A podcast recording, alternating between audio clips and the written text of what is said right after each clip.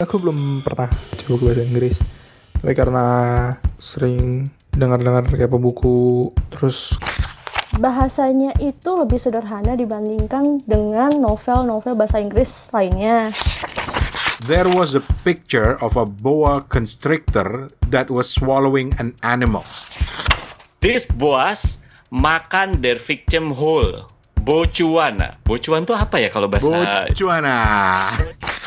Ketika kita bikin kayak gitu kan diajar sama guru perpusnya nanti. Hmm, Pengalaman kayak dihajar sama penjaga perpus nih. Ya udah mulai aja dulu dari buku yang temanya Lah mati handphone gue. Oh ini nih. Maaf maaf maaf Jangan maaf. dibanting.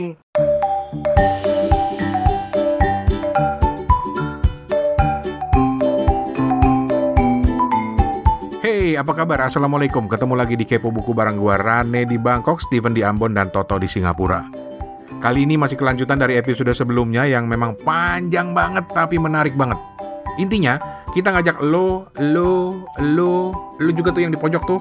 Pokoknya kita ngajak semua teman-teman Kepo Buku buat sharing pengalaman atau tips membaca buku berbahasa Inggris. Maklum lah, kita kan bukan orang Inggris, sementara masih banyak buku-buku di luar sana yang belum diterjemahin ke bahasa Indonesia tapi juga menarik. Alhamdulillah banyak banget yang sharing.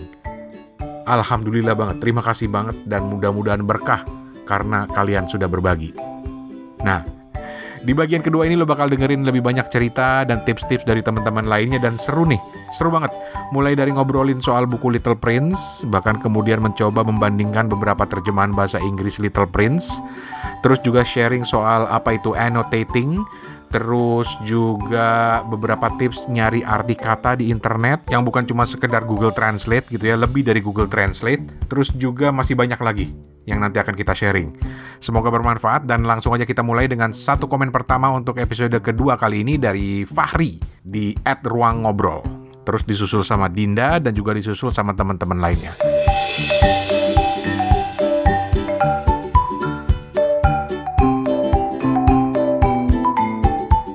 Oke, ada ruang ngobrol, ngobrol. at ruang ngobrol. Gimana dia bilang Evan? Kalau aku biasanya tandai vocab yang nggak ngerti, habisin paragrafnya, baru cari arti dan maknanya dari vocab itu. Hmm. Asik. Jadi Ah. diselesaikan dulu. sebelumnya aku belum pernah belum pernah baca buku bahasa Inggris, tapi karena sering dengar-dengar kayak buku terus kadang suka direkomendasiin buku yang random-random gitu kan terus akhirnya penasaran dan ternyata kalau yang aku lihat emang buku dengan berbahasa Inggris tuh lebih banyak ya lebih banyak macamnya lebih banyak lebih random gitulah.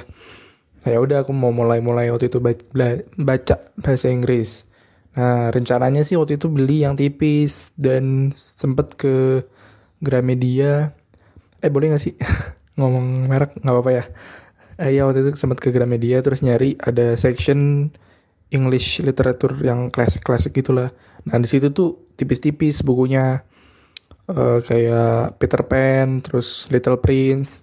Nah waktu itu aku milihnya Christmas Carol karena baca sih halo Hamrani Eh, sorry tuh kepotong kayak kepanjangan ya.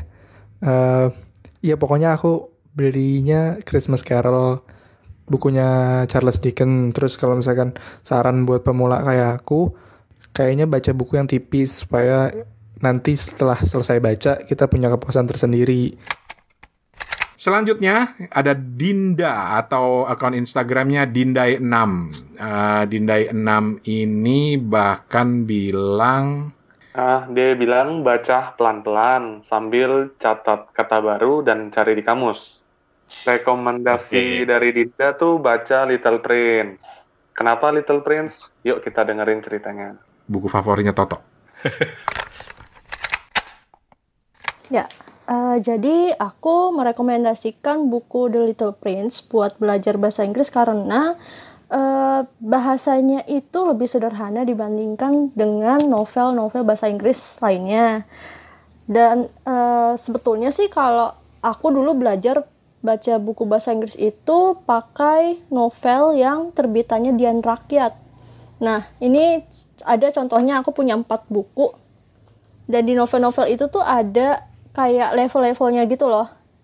Jadi ada level beginner, eh starter, beginner, elementary, intermediate sama sama upper. Nah, kalau yang beginner itu aku punya di sini Washington Square. Nah, sebetulnya Hmm. eh, buku ini tuh eh, di retold ulang. Jadi ceritanya tuh lebih disederhanakan terus ditambahin eh, ilustrasi-ilustrasi. Nah, selain ilustrasi di buku ini juga ada beberapa point to understand. Jadi eh, mereka tuh ngasih beberapa pertanyaan ke pembaca apakah misalnya kalau yang di buku Silver Blaze and the Other Stories ini levelnya itu elementary. Jadi ada pertanyaan misalnya how did Holmes spend the rest of the day? Jadi eh, si pembaca di samping eh, dia belajar bahasa Inggris, dia juga belajar untuk memahami isi buku tersebut seperti itu. Tapi aku nggak tahu nih kalau novel keluaran Dian Rakyat ini apakah masih diproduksi apa enggak karena eh, terakhir itu aku beli waktu SMP sekitar tahun 2008-2009 mungkin ya. Tadi juga sempat juga cari ke e-commerce, nah itu nggak ketemu juga buku ini. Jadi sebaiknya sih kalau sekarang eh, buat teman-teman yang pingin memulai baca novel bahasa Inggris itu bisa dimulai dari buku The Little Prince yang masih banyak di pasaran juga. Nah, atau enggak bisa juga dengan eh, baca buku-buku yang buat anak-anak seperti The- The Diary of Wimpy Kid. Nah, itu juga bahasanya lebih ringan dan mudah dimengerti. Coba ya, yang jago Little Prince di sini, setuju nggak? Bahasanya mungkin tidak terlalu berat, tapi ceritanya berat banget gitu karena eh, surrealis. Keluar kata favorit. di keluar kata. Serius serius su- su- ah, menurut gue sih surre, surrealis berat banget gitu. Lu ngebayangin tuh dia apa gitu jalan dari satu planet ke planet lain tuh apa gitu maksudnya. Gitu kan susah kalau menurut gue sih tapi sebenarnya yang dibilangin em, Dinda, Dinda. di Dinda. eh, nah, yang disebutin dia dengan yang diterbitin Dian Rakyat itu sepertinya itu adalah graded readers yang barusan kita kita bahas tadi gitu. Kalau menurut gua Hmm. sepertinya karena memang graded reader itu seperti itu Eh, eh, bahasanya sudah di retold ulang dengan level ter- level yang ditujukan eh, itu kemudian memang ada pointer-pointer untuk lu tuh tahu pemahaman lu tuh sejauh mana gitu. Alright. Kalau Steven? Ya belum baca sih, belum baca jadi no comment. No comment. Oke. tapi ini menarik loh. Karena Steven belum baca, tapi kita coba bacain beberapa. Nggak tahu, eh, teman-teman mungkin bisa mencoba memahami atau mendengarkan eh, kosakatanya ya. Buat gue sih ada beberapa yang gue nggak paham, tapi kita ini kayak begini misalnya nih. Ini chapter 1 ya, Little Prince. Bukan yang versi Singlish ya. Atau mau dibaca yang versi Singlish? Janganlah, jangan. ini yang versi Inggrisnya ya. Dia bilang gini. Iya. When I was six years old, I saw a picture that had great impact on me. It was in a book called The Real Nature Stories, where an ancient forest was described. There was a picture of a boa constrictor that was swallowing an animal. This is how it looked. Terus ada gambarnya gitu. Ini klasik banget kan di Little Prince kan. Terus dia bilang, it said boa constrictors swallow their catch without chewing. After that, they cannot move and will sleep for up to six months, which they need to, di- to digest the food. Buat gue tuh kalimatnya sederhana gitu kan ya. Waktu gue 6 tahun, gue lihat gambar yang berdampak banget buat gue. Ya kan, Eh, terus eh, ini bukunya judulnya ini dan di situ ada gambar boa constrictor. Boa constrictor doang yang gua nggak paham. Yang sebenarnya itulah sejenis ular gitu ya. Ular yang membunuh mangsanya dengan di di dililit gitu. Tapi kan bahasanya mudah kan dipahami kan, kosakatanya kan. Iya sih. Lu nangkep nggak, Pak? Ini yang belum Steven belum baca eh, eh, eh, Little Prince, lu bisa nangkep nggak cari cerita itu kurang lebih? Dua paragraf tadi. Eh, bisa, bisa. Dia nemu sebuah buku, terus ada ular bawaannya gitu. Mm-mm. Tapi Ma- Ba- Mas Toto sama Bang Rani nggak sepa nggak sepakat sama Dinda untuk eh, teman-teman membaca Little Prince untuk sebagai buku awal nih. Kira-kira Gua, gua, gua bukan dari segi bahasanya. Gua cuman ceritanya tuh susah gitu. Orang dewasa baca berulang-ulang tuh pu- bisa punya tanggapan atau punya impresi atau punya kesimpulan berbeda-beda terhadap cerita Little Prince ini gitu dan Little Prince itu selalu didiskusikan berulang kali kan gitu coba aja lu cari internet ada yang meng, mentafsirkan begini dia punya banyak tafsir gitu Nah, ya, itu dari segi tafsirnya kan.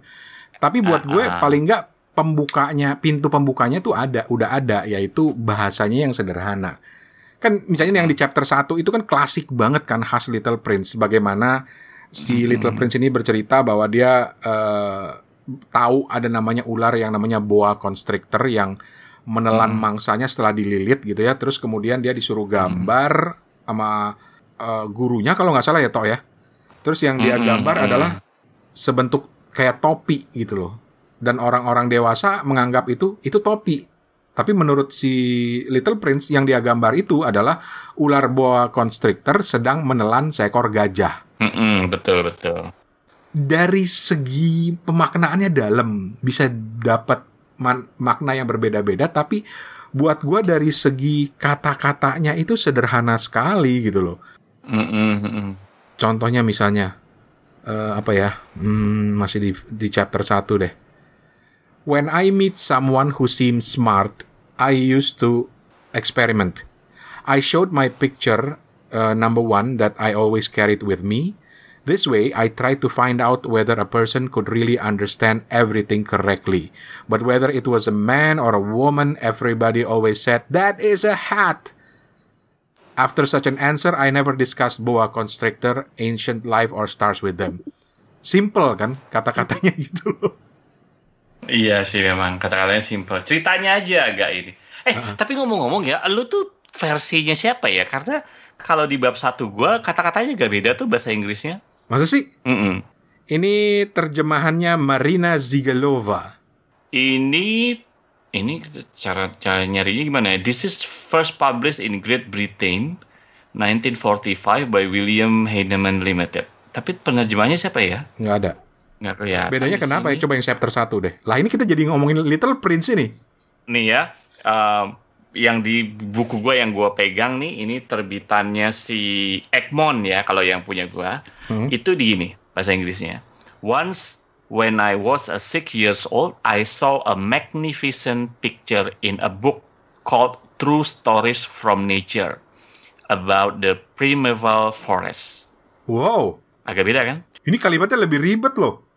Prime evil itu bukan bukan vocabulary yang standar. Betul. It was a picture of a boa constrictor in the act of swallowing uh, swallowing an animal. Here's a copy of the drawing. Gitu. Oh, keren. Jadi rupanya tetap ya. Kayaknya yang terjemahan si Mbak Maria ini memang dia pakai bahasa yang lebih sederhana gitu. Hmm, gitu. Balik ke Steven tadi dari dari paragraf pertama yang diceritain Toto, yang dibacain Toto, lu bisa lebih paham dibandingkan itu atau dengan yang pertama, Van? Yang Hmm. kedua Uh, justru yang kedua. lebih lebih iya lebih apa? Ya mungkin karena udah udah cukup ini ya. Lebih apa ya? Lebih karakter bukan karakter. Narasinya tuh lebih angkep ya. Primeval terus Ancient World Hmm, hmm. Dibandingkan yang pertama gitu. Kalau kalau yang nah ini resikonya kalau yang pertama itu kan lebih straightforward ya. Iya iya. Hmm, Kalau yang kedua ini lebih cantik gitu pilihan kata-katanya. Prime evil itu kan keren banget kata-kata itu. Betul betul betul. Iya. Ah, Langsung bikin imajinasinya langsung berkembang gitu ya ketika kita karena Bacanya. misalnya si Marina Zigalova ini penerjemahannya dia bilang ancient forest kan, iya Ancient Forest sama primeval. Sama betul, betul. Emang beda-beda jadinya ya, tergantung siapa penerjemahnya di versi apa gitu. Alright. Tapi ya sekali lagi rekomendasi ini silakan dicoba. Kalau baca Kindle eh, versi Kindle-nya kan sebenarnya bisa download sampelnya dulu gitu loh. Mm-mm. nggak langsung beli gitu. Jadi lu bisa download dulu, download aplikasinya di handphone aja lah, nggak usah beli Kindle-nya juga kalau eh, lu pikir mahal gitu ya. iya Hmm. Download aplikasi di handphone, daftar, terus coba ini aja download download sampelnya aja gitu loh. Betul betul. Kan cuma dapat dapat beberapa halaman lumayan tuh. Lumayan. There was a little tungku. Hah? Enggak ya, yang versi Singlish. Gini loh. Ketika berumur enam tahun, aku pernah melihat gambar yang hebat dalam buku tentang rimba raya berjudul Kisah-Kisah Nyata. Itu terjemahan Indonesia. Iya, terjemahan Indonesia. Oh. Ya kisah-kisahnya tuh. Kisah-kisah terbitan eh, Gramedia Pustaka. oh. Gitu. Oke. Kalau yang versi itu Singlish, Singlish.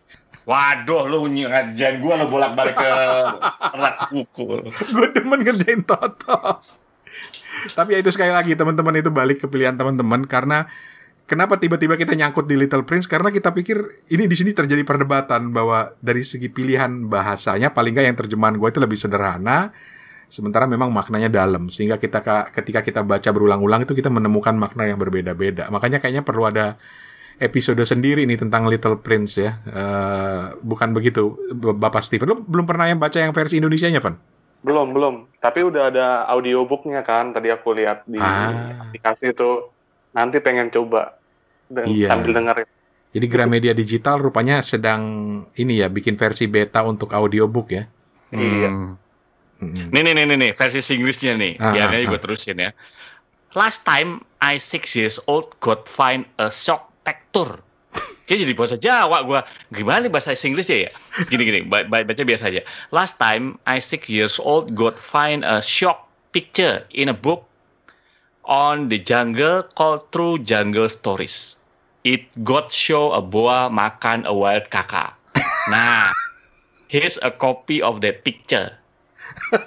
Ayo. The book, the book I? said these boas makan their victim whole. Bocuan. Bocuan itu apa ya kalau bahasa Bocuana.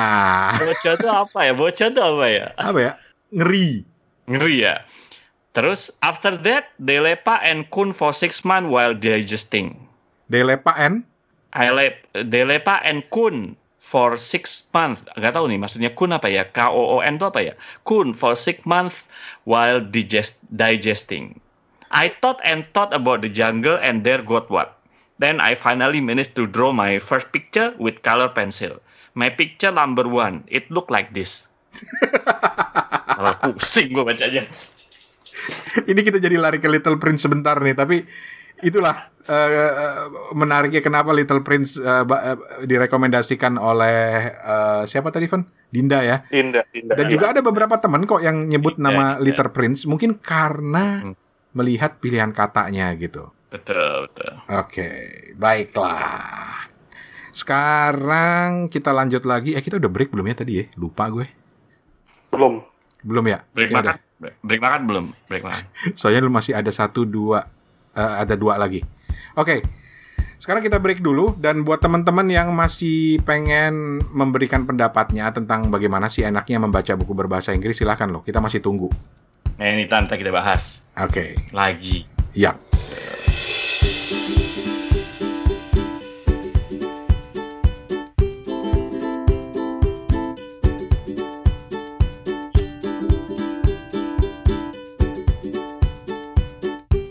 Dan kembali di Kepo Buku masih berbagi tips tentang membaca buku dalam bahasa Inggris.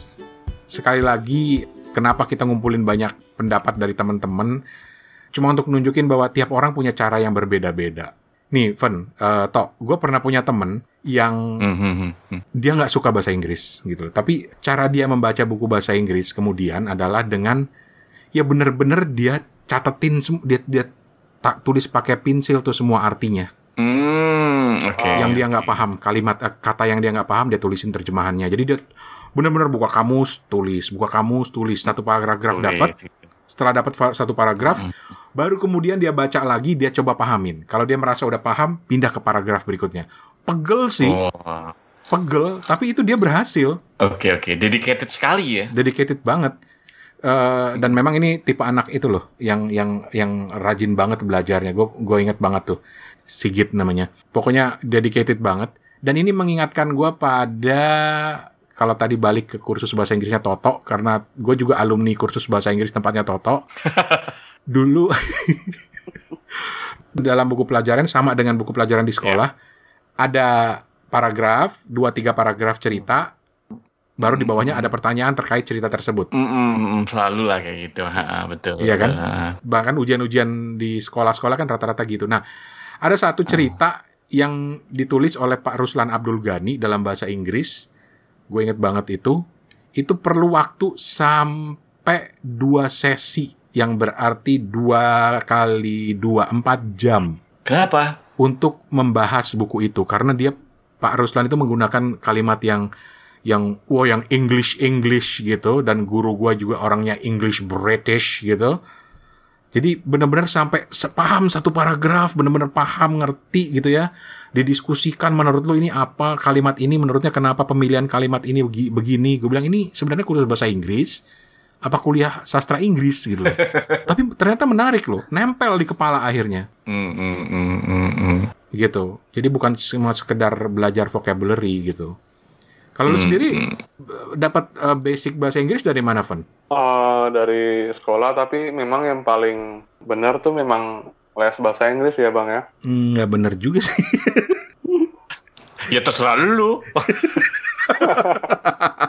tapi memang ini, memang apa? eh, aku mendapat apa ya? Lebih banyak eh, pengetahuan bahasa Inggrisnya tuh pas udah les itu sih.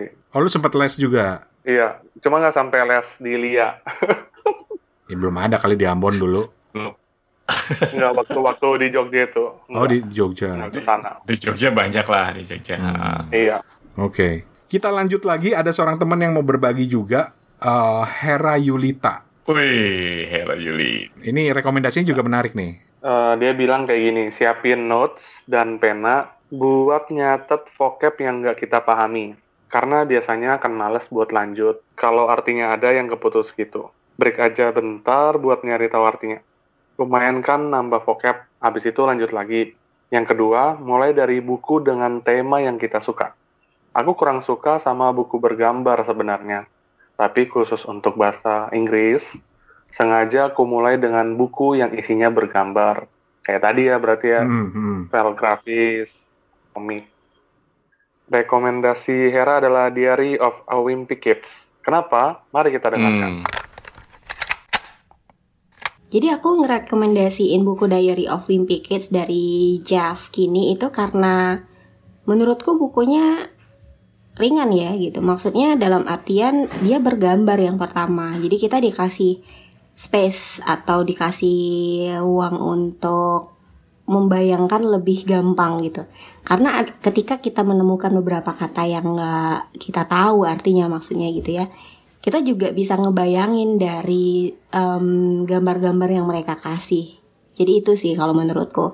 Yang kedua Hmm. juga buku ini temanya menyenangkan dan aku tertarik gitu karena temanya adalah tentang film. Jadi ini adalah buku yang bercerita tentang proses pembuatan sebuah film. Makanya aku jawab juga kan di pertanyaan yang dikirim kepo buku. Ya udah mulai aja dulu dari buku yang temanya Lah, mati. Handphone gue. Oh, ini nih. Maaf, maaf, maaf, Jangan maaf. dibanting. yang temanya kalian suka gitu biar lebih ringan pas bacanya dan ya udah gitu tautanya selesai aja bukunya jadi aku pikir pembaca yang baru memutuskan untuk baca-baca buku bahasa Inggris semoga juga ngalamin hal yang sama dengan rekomendasi bukuku ini. Lalu yang kedua eh, selanjutnya tipsnya adalah baca sambil mencatat. Itu maksudnya gini mas Rane. Em, ketika ada satu vocab yang aku nggak tahu artinya aku break dulu. Aku berhenti sebentar lalu aku cari artinya lalu aku oh ini tuh maksudnya. Lalu aku balik lagi ke bukunya aku baca lagi lanjut lagi gitu. Karena kalau selepas itu baru aku cari artinya aku ngerasa ada yang aduh gitu. Kurang kurang masuk aja gitu kalau ke aku gitu. Jadi cari dulu artinya sambil baca. Kalaupun mau berhenti ya udah berhenti sekalian. Nanti lanjut lagi. Kalau aku gitu sih. Any comments, gentlemen? Oh, apa tuh? Eh, Diary of a Wimpy Kid, gue udah baca. Gue suka. itu bagus sih bagus, Ah. Ah, bagus, bagus banget itu. Kalau memang memang mau dipakai tuh eh, oke lah gitu. Ada filmnya juga kan kalau nggak salah. Ya. Oh iya ada filmnya ya, iya iya udah dibikin film, udah dibikin film betul betul betul. betul. Dan itu yang membuatnya jadi lebih lebih menarik orang untuk membaca ya. Oke. Hera, terima kasih banyak Eh, terus ada lagi nih, ada lagi, ada lagi. Eh, Siapa siapa? Owl Shell, at Owl Shell, Shella kalau nggak salah ya. Apa yang dibilang oleh dia? Ini menarik loh ini. Iya ini yang sampai aku cari di YouTube nih ini A- apanya? tekniknya. Teknik annotate. annotate. Heeh. Apa tuh? Apa tuh? Apa tuh? Boleh tuh, boleh tuh. Ya, aku bacain ya. Tips yang sering aku kerjakan adalah annotate. Terus aku kan pakai Kindle. Mm-mm. Jadi lebih gampang aja untuk tahu arti dari kata-kata baru karena ada fi- fitur dictionary-nya. Mm-mm. Rekomendasi bukunya nih. Mulai dengan genre yang adult atau contemporary karena seringnya pakai bahasa sehari-hari. Aku nggak jago banget bahasa Inggris. Bacaan aku biasanya John Green, Alice Osman, sama Rainbow Rowell. Nah, kita bisa dengerin cerita Sheila di sini. Iya. Jadi ini rekomendasinya dulu ya. Nanti kita bahas yang annotate. Oke. Rekomendasi buku bahasa Inggris dari aku itu John Green, Looking for Alaska, karena itu keren banget. Dan itu buku bahasa Inggris pertama yang aku baca juga. Lalu buku-bukunya Alice Oseman. Dan ada sedikit tips untuk yang mau mulai baca buku berbahasa Inggris. Coba kita baca dari yang ringan-ringan aja dulu, kayak cerpen atau buku anak kalau perlu. Atau bisa juga coba kita baca buku yang difilmkan, tapi nonton filmnya dulu. Karena aku ada pengalaman nih, nonton film judulnya Wonder, dan itu keren banget. Ternyata diadaptasi dari buku karya R.J. Palacio, judulnya sama Wonder. Hmm. Buku ini sering disinggung sih di kepo buku dan memang keren banget. Karena aku udah nonton filmnya, aku jadi ada gambaran juga kan si tokoh-tokohnya, visualnya. Jadi segala kesedihan atau hal lucu yang ada di buku itu kita lebih bisa relatable dan masuk ke dalam ceritanya dengan mudah. Ini Stephen banget ini dengan Game of Thrones-nya ya, Van. Iya, yang tadi. Oke, terus soal annotate ya. Ini ceritanya uh, Owl Shell soal annotate tadi. Yap. Mungkin kebiasaan ini sama kayak orang banyak ya. Di saat aku baca buku bahasa Inggris dan ada beberapa kata yang aku nggak tahu artinya apa, aku selalu menggarisbawahi atau meng-highlight atau annotate kata tersebut di satu post-it, lalu tempelin di halamannya, terus cari tahu artinya apa, atau sekalian makna dari satu kalimat tersebut. Gitu. Dan aku juga baca di Kindle kan. Kalau di Kindle itu lebih mudah karena ada fitur dictionary-nya jadi kalau kita klik satu kata itu akan muncul artinya apa dan ada juga Wikipedia-nya gitu jadi itu lebih memudahkan untuk bisa ngerti keseluruhan isi buku kalau aku baca di Kindle ketimbang buku fisik Hmm.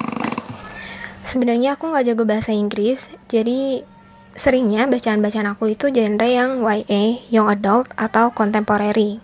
Yang mana biasanya bahasa yang dipakai itu bahasa sehari-hari. Jadi aku lebih mudah mengerti aja ketimbang harus baca buku Hmm. non-fiksi atau sastra dan itu berbahasa Inggris lalu aku harus susah payah annotating banyak kata yang aku nggak tahu itu akan menyulitkan aku untuk memahami keseluruhan isi cerita dari buku tersebut. Annotate. Stephen, apa yang lu temukan di Annotate. Google dengan annotate? Eh, Jadi ketika seseorang membaca novel sastra misalnya, Hmm? di buku itu bakalan ada banyak post-it, bakalan ada banyak stabilo. Nah, di video yang aku lihat itu mulai dari eh, stabilo yang dibikin ya. Misalnya merah tuh Hmm. tentang perkembangan karakternya. Dia dari Hmm. A ke C ke D. Terus tema di bab itu misalnya pakai warna biru, stabilo Hmm. hijau misalnya itu dia lagi poin-poin penting ataupun uh, hal-hal sastrawi apa yang bisa di quote gitu misalnya. Hmm. Nah, Hmm. di annotate ini bikin sebuah buku tuh jadi lebih bisa dicerna ya. Menurut aku ya Hmm. kalau misalnya kita bisa mencoret-coret ya misalnya kita punya buku sendiri gitu kalau misalnya buku per- perpustakaan kan ketika kita bikin kayak gitu kan diajar sama guru perpusnya nanti. Hmm. Pengalaman kayak dihajar sama penjaga perpus nih. enggak, enggak. Untungnya enggak kebiasaan yang menstabilo gitu.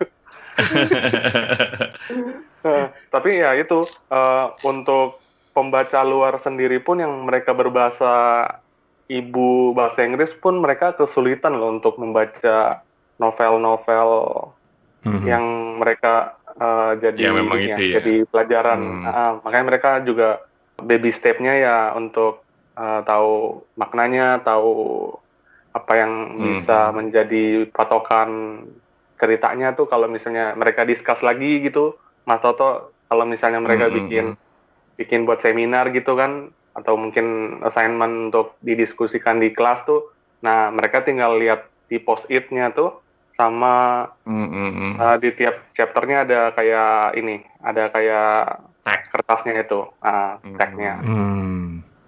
Banyak banget tulisan, banyak banget coret-coretan dan apa pun yang mereka uh, nggak tahu mereka catat, apa yang mereka uh, ngena di hati mereka bakalan catat juga. Jadi bener-bener apa ya, buku tuh bukan kayak bersih kayak yang di toko gitu, yang Hmm. mulus gitu, tapi Hmm, tapi benar-benar semuanya tuh keisi gitu kayak Mas Toto juga yang sering Mas Toto bilang itu kan kalau misalnya di buku textbook di margin yang lebih gede tuh bakalan ada banyak coret-coretan Iya, betul betul. Jadi ini aliran alirannya Toto ya. Aliran gue. Oke, dan eh, nyinggung soal Kindle tadi, nih kawan-kawan, eh, mungkin ada yang bilang, "Ah, aduh, gua nggak punya duit beli Kindle.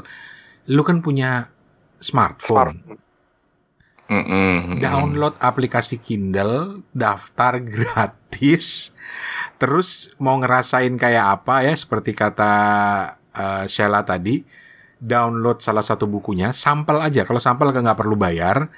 Nah, yang menarik nanti di situ, ketika kita highlight satu kata misalnya, itu bisa muncul terjemahannya. Hmm. Gue sebagai seorang yang suka baca, ini salah satu temuan yang gue kok berharap harusnya nih ada nih dari era gue waktu kecil dulu gitu loh. Akan sangat membantu ketimbang gue buka-buka kamus lagi, buka kamus lagi Hasan Sadili itu sampai apal gue. Wah gila gue harus dulu apa apa lo keren banget lo. Maksudnya nama Hasan Sadilinya bukan kamusnya. Jadi itu buat gue temuan Kindle temuan paling jenius buat para pembaca buku itu adalah Kindle yang ada fitur terjemahannya gitu loh. Iya enaknya sekarang tuh gitu ya maksudnya eh, nggak usah punya nggak usah pakai Kindle gitu lu lu pada koneksi internet aja eh, gampang banget gitu nyari define apa gitu udah langsung Iya. kebuka gitu kan ya. Betul. Ini tambahan tips lagi buat teman-teman ketimbang buka kamus, lagi baca buku gitu ya. Buka Google di handphone, ketik aja misalnya divine apa cari kata yang mau dicari gitu loh. Define eh apa misalnya apa sih define eh, tadi apa namanya tadi eh eh, Utopia Utopia misalnya utopia misalnya gitu Ah. define throne misalnya kayak gitu define dystopian gitu. Define throne misalnya gitu throne tadi kan game of Nah. throne kayak gitu Thro- throne tuh apa sih gitu Dan yang menarik kalau kita cari arti kata di Google, misalnya divine, divine throne, itu yang menarik adalah karena di situ penjelasannya juga dalam bahasa Inggris. hmm Jadi kita dipaksa lagi untuk baca gitu loh. Mm-mm, betul betul Kecuali lu pakai Google Translate. Kalau Google Translate kan langsung jadi bahasa Indonesia gitu ya. Tapi gue lebih suka pakai define karena penjelasannya pun dalam bahasa Inggris. bahasa Misalnya, Inggris gitu. Define apa? Coba coba coba coba cari. Define dystopian. oke gue define surreal Define kalimatnya. Oke, gua dulu nih. Gua coba cari define dystopian. Itu adjektif dia bilang relating or denoting an imagined state or society where there is a great suffering or injustice. Itu kan mem- mem- mem- memaksa otak gua untuk terus berpikir dalam bahasa Inggris gitu loh.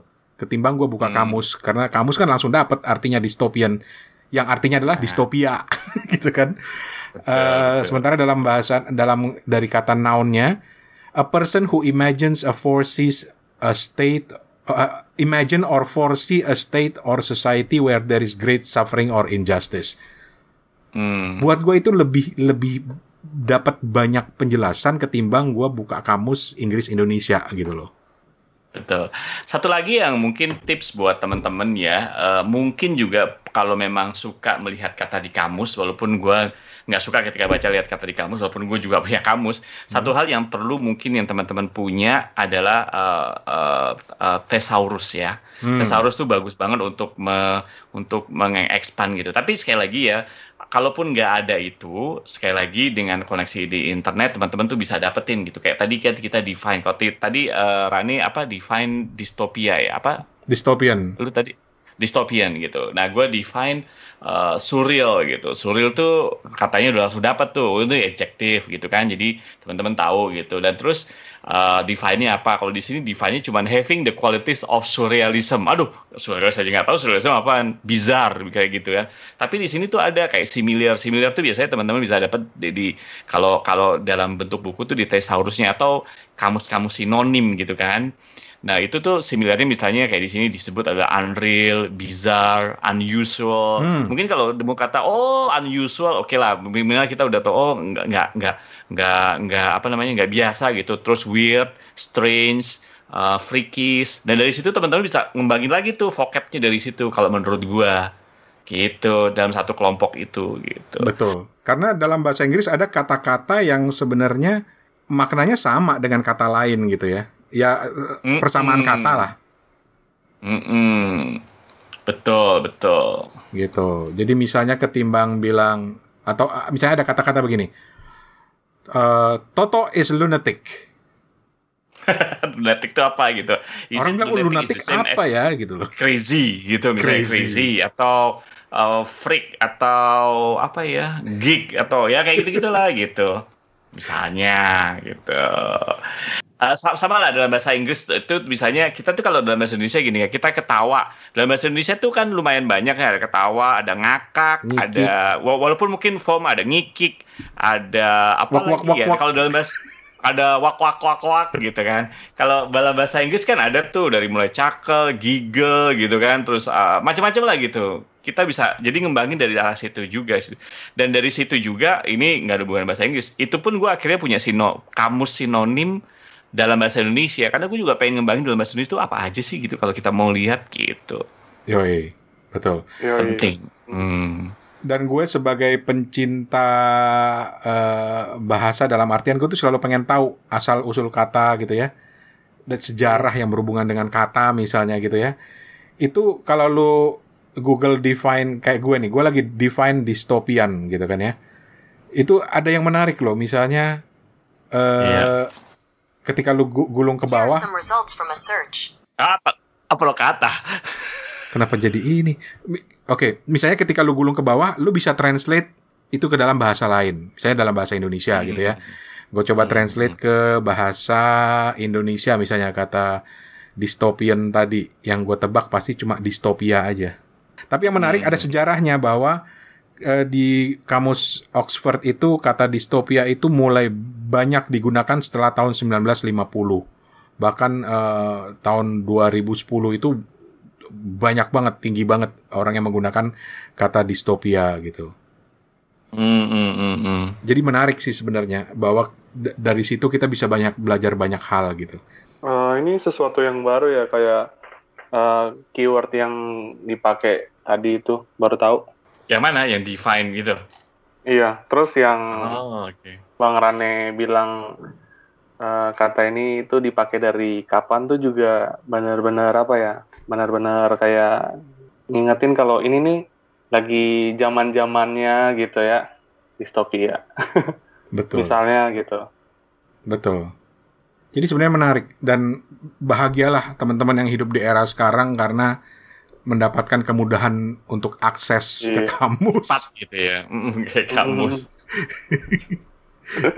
Walaupun nih ya menurut gue eh, yang lahir di era yang belum ada online sebenarnya dipaksa untuk lebih banyak menggali terus gitu loh. Hmm. Dan menurut gue lebih lebih lama nempelnya. Itu ya, nggak instan soalnya ya.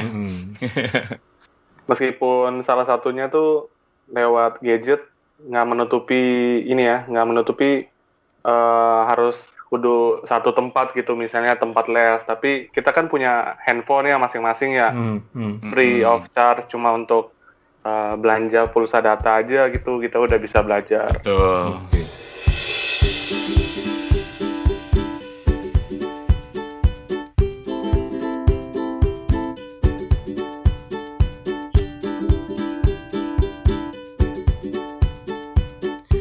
Oke. Oke, masih ada beberapa orang yang sekarang yang mengirimkan lewat eh, Instagram, yang ngirimkan lewat tulisan ya.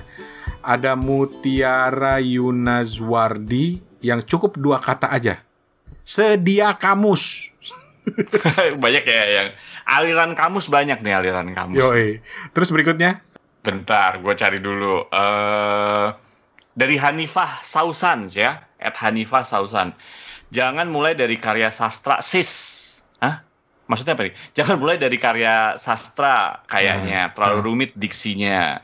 Mulai dari buku anak-anak, seru juga loh gitu. Ah ini juga salah satunya ya, saya sastra tapi ya gue setuju banget dah, kayak sastra tuh susah. Jadi kalau dari fiksi buku Seneng deh ada yang dukung. Iya, so susah sastra tuh. Karena seperti tadi gue bilang, eh, bukan pertama harus dilihat dari ceritanya gitu kan. Kalau dalam bahasa Indonesia aja kita susah gitu kan, ya apalagi dalam bahasa Inggris. Kedua itu banyak idiom, banyak phrase, banyak dalam tanda kutip, walaupun bahasanya bahasa percakapan, tapi hati-hati kalau banyak idiom-idiom yang susah gitu. Hmm. Gitu. Terus ada lagi nih, eh, gue baca lagi lagi ya Ya. at eh, cara underscore RJ. Nah, Ini bagus banget nih. Menurut dia adalah paham dulu basic English words and simple grammar. Kemudian cari rajin cari di kamus untuk kata yang nggak bisa dimengerti. Nah, Ini juga kamus kamus eh, aliran kamus nih. Terus sama-sama juga aliran buku anak-anak karena menurut dia adalah coba buku anak-anak karena bahasanya sederhana. Setuju. Bisa dimulai dari bukunya Enid eh, Blyton sama Patrick Potter. Iya, Gitu. dan Kara ini juga yang menyarankan untuk eh, mulai dari Little Prince dan buku-bukunya Roald Dahl, kayak misalnya Charlie and the Chocolate Factory dan Matilda gitu. Kita kata betul betul. Oke, betul. lanjut. Iul underscore iya. Bacaan pemulanya tuh buku-buku kursus bahasa Inggris dan kamus bahasa Inggris ke bahasa daerah. Boleh juga nih Boleh juga. bahasa Inggris ke Boleh juga bahasa ada ya? Banyak mungkin ya udah ya. Jawa. Gak tahu. Hmm, Mas Toto, Bang Rani udah pernah lihat mungkin? Belum pernah sih belum Inggris ke pernah bahasa gua. daerah ya. Ya kalau di Google Iya. Translate ada. Mungkin gua kalau nggak ngerti bahasa Inggris gua dalam bahasa apa gitu Ambon gitu sama-sama nggak ngertinya gitu. Emang ada bahasa Ambon. Loh kenapa? Eh bahasa Ambon apa sih bahasa? Emang ada Evan? Ada ada dikit-dikit kok. Ada ininya bahasa Ambon. Dikit. Bahasa bahasa Sunda Ambon lah, bahasa Maluku? Bahasa Jawa. Bahasa Ambon. Oh, bahasa Ambon ada. Ketahuan. Bahasa Ambon kayak apa sih? Bahasa Ambon kayak apa sih? Steven bilang iya bahasa Ambon. lah iya. Apa? Terus ada Asatvika, dia bila bilang pilih genre yang paling kalian suka atau topik yang paling kalian gilai. Oh iya benar. Jadi Ah. dari yang suka ya kalau kita udah suka pasti kita akan terus gitu baca walaupun susah Yoi. gitu. Ada oh, R Agustia Distriani ini yang termasuk yang yang Tadi pertama ya. bilang nggak bisa. Udah mundur duluan kalau Kalau duluan kalau tahu pakai bahasa Inggris. Wah jangan ya. Semangat Iya. semangat. mudah-mudahan setelah episode ini lebih banyak teman-teman yang tertarik gitu ya untuk mencoba membaca Hmm. buku dalam bahasa Inggris. eh yang terakhir Steven. Dari app menghalus, nggak harus paham kata per kata. Baca seluruh kalimat, pahami konteks. Ingat, meski ditulis dalam bahasa Inggris ribet, nggak berarti lebih bermutu. Oke, bisa saja kok sok pintar. Boleh sih. juga nih. Bener sih. Hmm. Nggak karena kadang-kadang kita itu udah udah Mendewakan duluan. silau duluan dengan bahasa Inggris gitu loh. Gue punya teman kantor misalnya yang hobi banget tuh kalau nulis email tuh, wah bahasanya. Padahal ma- ma- maksudnya dengan satu kalimat aja udah bisa itu jelasin gitu loh. Hmm, It is therefore unavoidable that gitu loh. Misalnya panjang-panjang lebar kayak gitulah. Padahal intinya nggak bisa gitu. Nggak bisa. Gitu. It is regretful atau regrettable that uh, we are unable. Mendingan pakai bahasa bahasa Singlish, Singlishnya Toto. No, Hmm, cannot Cannot lah bro. gitu. Jadi makasih banget teman-teman. Mudah-mudahan dari episode ini ada yang udah mulai mencoba atau tergoda untuk minimal belajar uh, membaca. Mm-mm. Buat mereka yang belum pernah nyentuh atau bel- belum pernah melirik buku-buku berbahasa Inggris, kenapa enggak? mungkin mungkin yang paling yang paling bikin motivasi baca kayak gitu kalau ikutan baca bareng ya. Asik. Hmm. minta teman Teman siapa lo? untuk ya minta orang yang lagi pengen baca buku yang sama juga gitu kan biar bisa diskusi gitu. Hmm. As, lu mau bawa diskusinya aja lu.